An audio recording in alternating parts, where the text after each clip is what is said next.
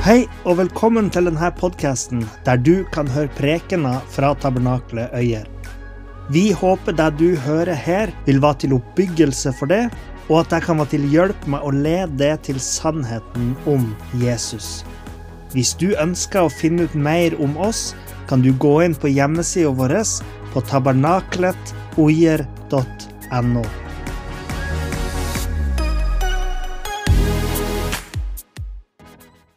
Vi holder for tida på med en temaserie som heter Frelsesveien.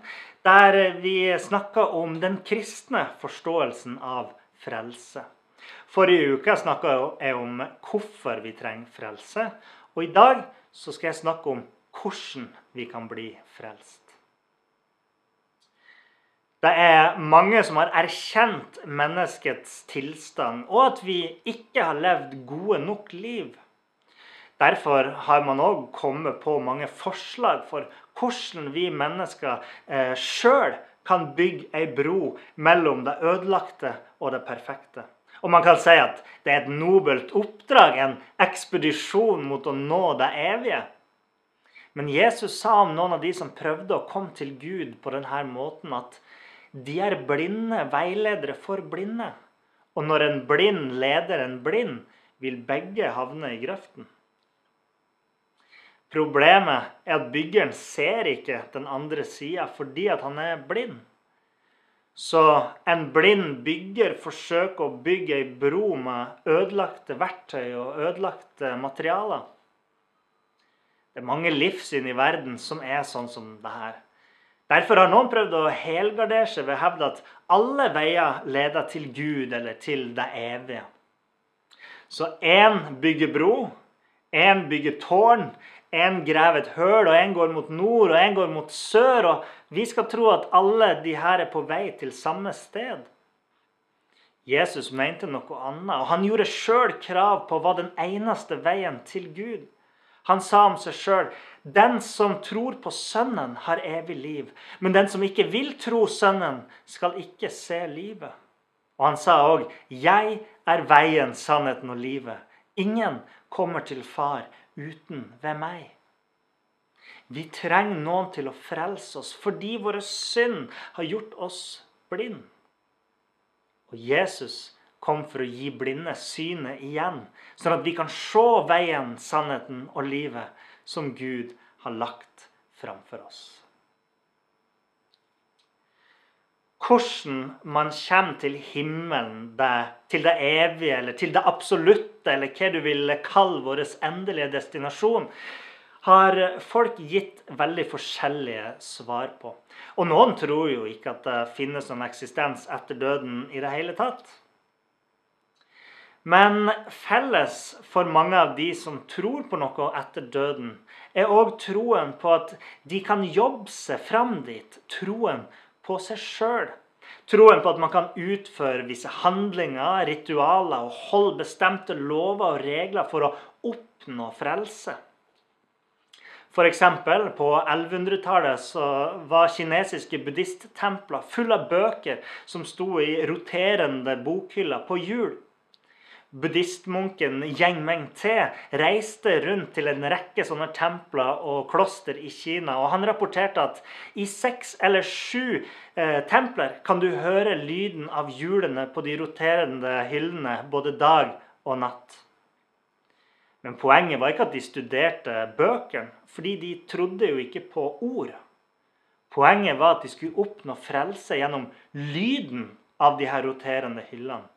De skulle tømme sine sinn ved mantra eller lyd uten mening. Kan vi virkelig tro at dette er veien til frelse? Eller er det sånn at vi må følge islams fem søyler eller å holde Moseloven? Tingen er at Vi mennesker kan komme fram til mange måter vi tror vil oppnå frelse. Og hvis det vi ønsker å komme fram til, er det perfekte, sånn som f.eks. Gud, så er vi nødt til å redefinere hva det perfekte er for noe, for å få oss sjøl til å tro at vi kan oppnå det. For felles for alle de her forsøkene er jo troen på meg sjøl. At jeg kan klare det. Og da kan ikke det perfekte være utafor rekkevidde. Men ikke bare er det umulig for oss å omdefinere hvem Gud er. Det er òg umulig for oss å oppnå hans perfeksjon.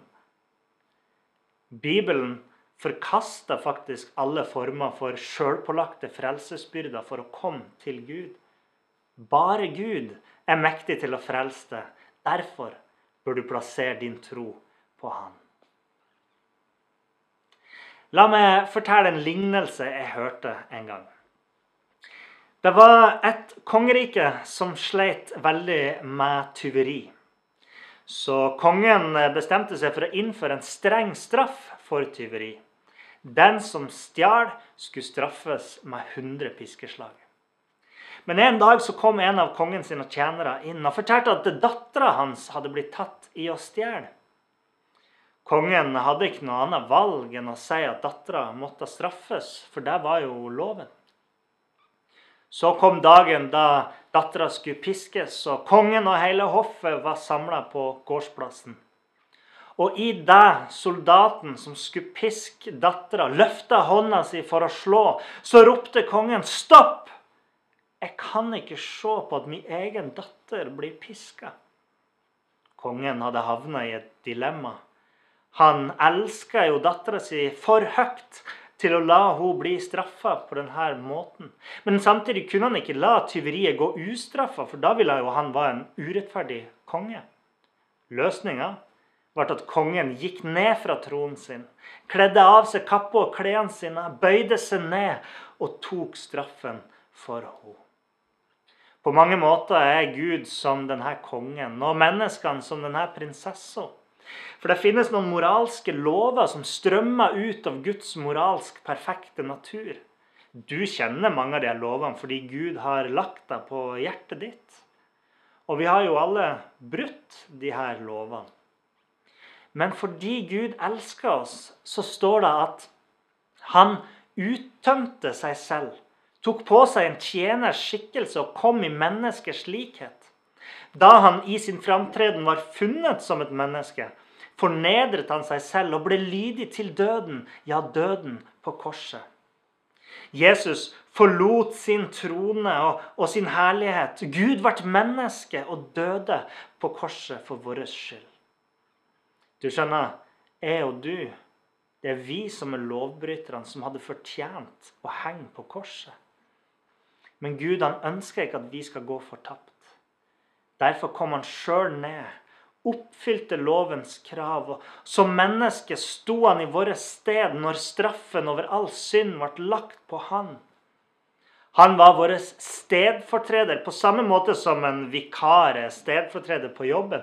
Men han var òg vår representant. Det var ikke bare at han døde i stedet for det.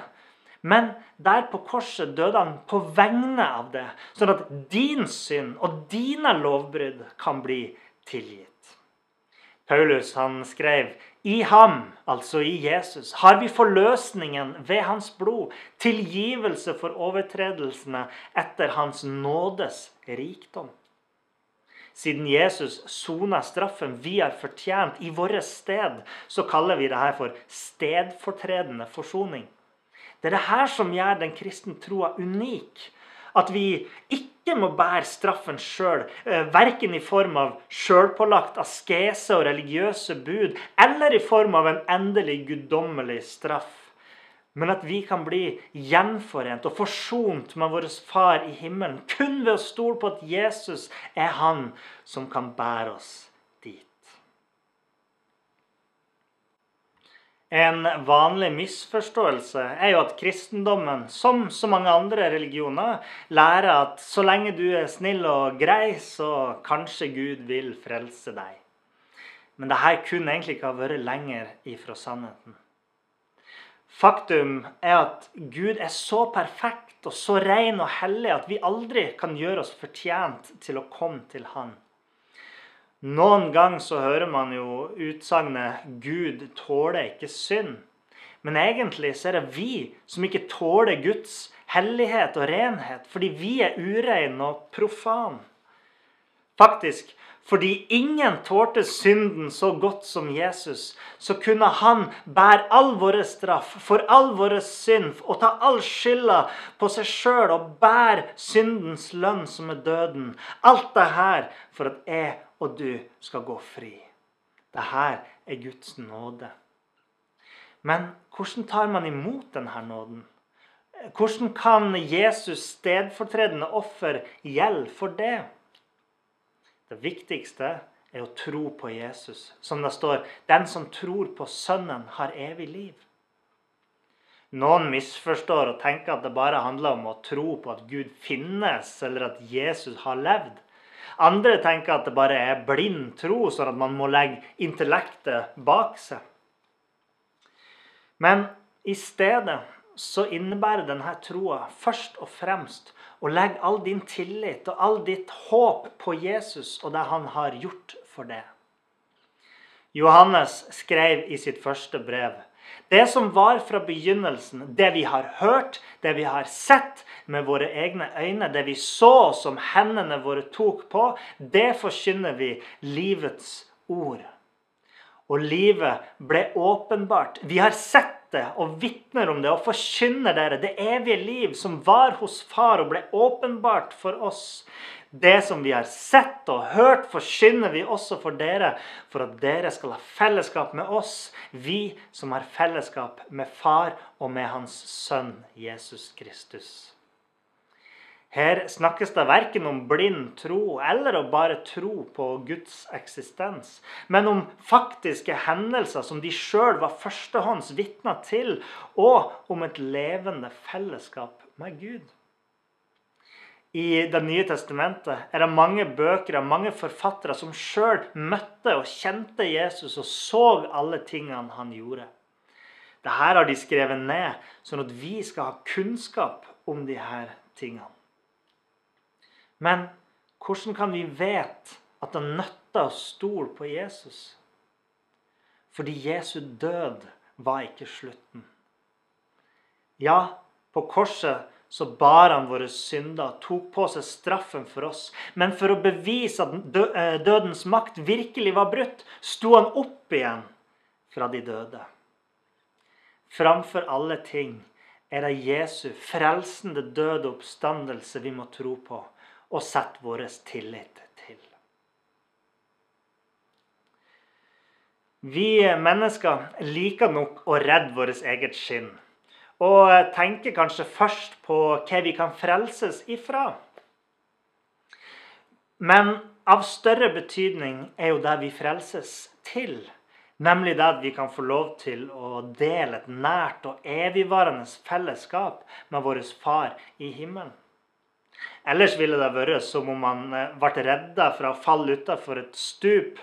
Og i stedet for å glede seg over personen som redda det, og, var sammen med han, så snur man heller ryggen til den personen, bare for å stå og se ned i den avgrunnen som man ble redda ifra.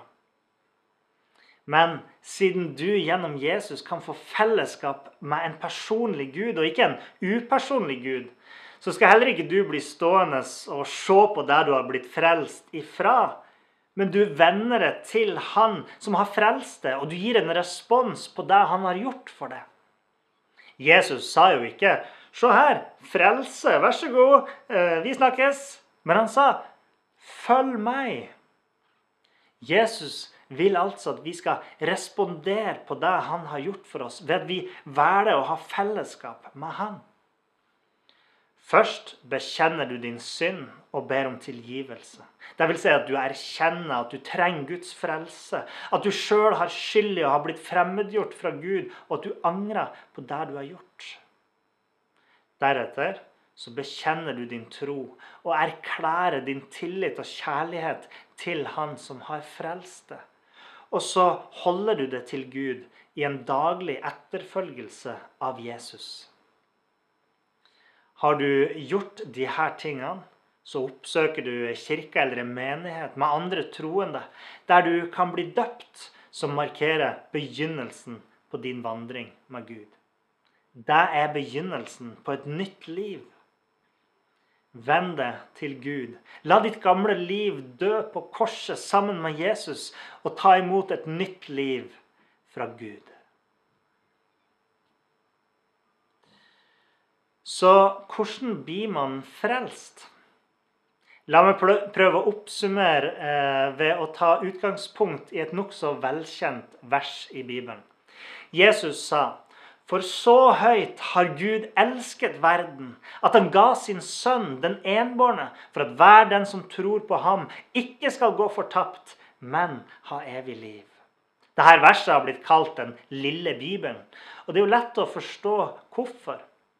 Dette uttrykket at Gud elsker verden, det innebærer at Gud elsker alle mennesker, og ikke bare noen få utvalgte. Eh, og at det var for alle mennesker at han sendte sin sønn Jesus. Det vil si at Gud elsker sjøl de som med sin munn eller med sine gjerninger viser at de er fiender av Gud. Gud viser sin kjærlighet til oss ved at Kristus døde for oss mens vi fortsatt var syndere, skrev Paulus. I Jesus ble Gud menneske for å representere oss i vår fiendskap mot Gud, sånn at vi gjennom Han kan forsones med vår himmelske Far. Han gikk frivillig for å dø den døden vi har fortjent for vår skyld. Og han overvant døden og sto opp igjen, sånn at vi kan vite hva vi har i vente hvis vi stoler på han. Jesus han ble mellommann han er punktet der jord og himmel møtes. Jesu død på korset er stedet der vår synd møtte Guds vrede, der straffen ble sona fullt ut en gang for alle. Og Jesu gjenoppstandelse er håpet om evig liv. Dette verset, Johannes 3, 16, sier det at på korset bygde Jesus en vei til Gud for alle som tror på Han. Hos Jesus vil du ikke trenge å fortsette dette umulige oppdraget med å gjøre det sjøl fortjent til paradis. Hos Han vil det ikke være hender som griper etter evigheten, men som kommer tomhendt tilbake. Jesus lover det. Den som tørster, vil jeg gi av kilden med livets vann uten betaling. Når du kommer til Jesus, flyttes troen over fra hva du kan gjøre, til troen på det han har gjort. Byrden vi legger på oss sjøl, den ble båret av han. Skylden for dine feil vil ikke lenger tilregnes det, fordi ufortjent av Guds nåde vil du bli tilgitt når du takker ja til denne gaven og vende det til Gud dette korte verset sier Stol på Jesus. Så skal du ikke gå fortapt. Så skal du ikke dø. Men du skal få det evige livs gave. Må Gud velsigne det med sannhetserkjennelse om verden vi lever i. Må Han velsigne det med å åpne øynene dine, så du ikke lenger er blind. Må Gud velsigne det sånn at han bærer byrden for det. Må han velsigne det med evnen til å tro, til å vende om og til å få det evige liv. Takk for at du hørte på. Hvis du tok et steg i tro i dag, eller du har noe du ønsker forbønn for, så vil vi gjerne høre ifra det via e-postadressen kontaktalfakrølltabernakletoier.no. Du er òg velkommen til våre ukentlige gudstjenester i menighetslokalet i Haugskutua 5 26 36 Øyer.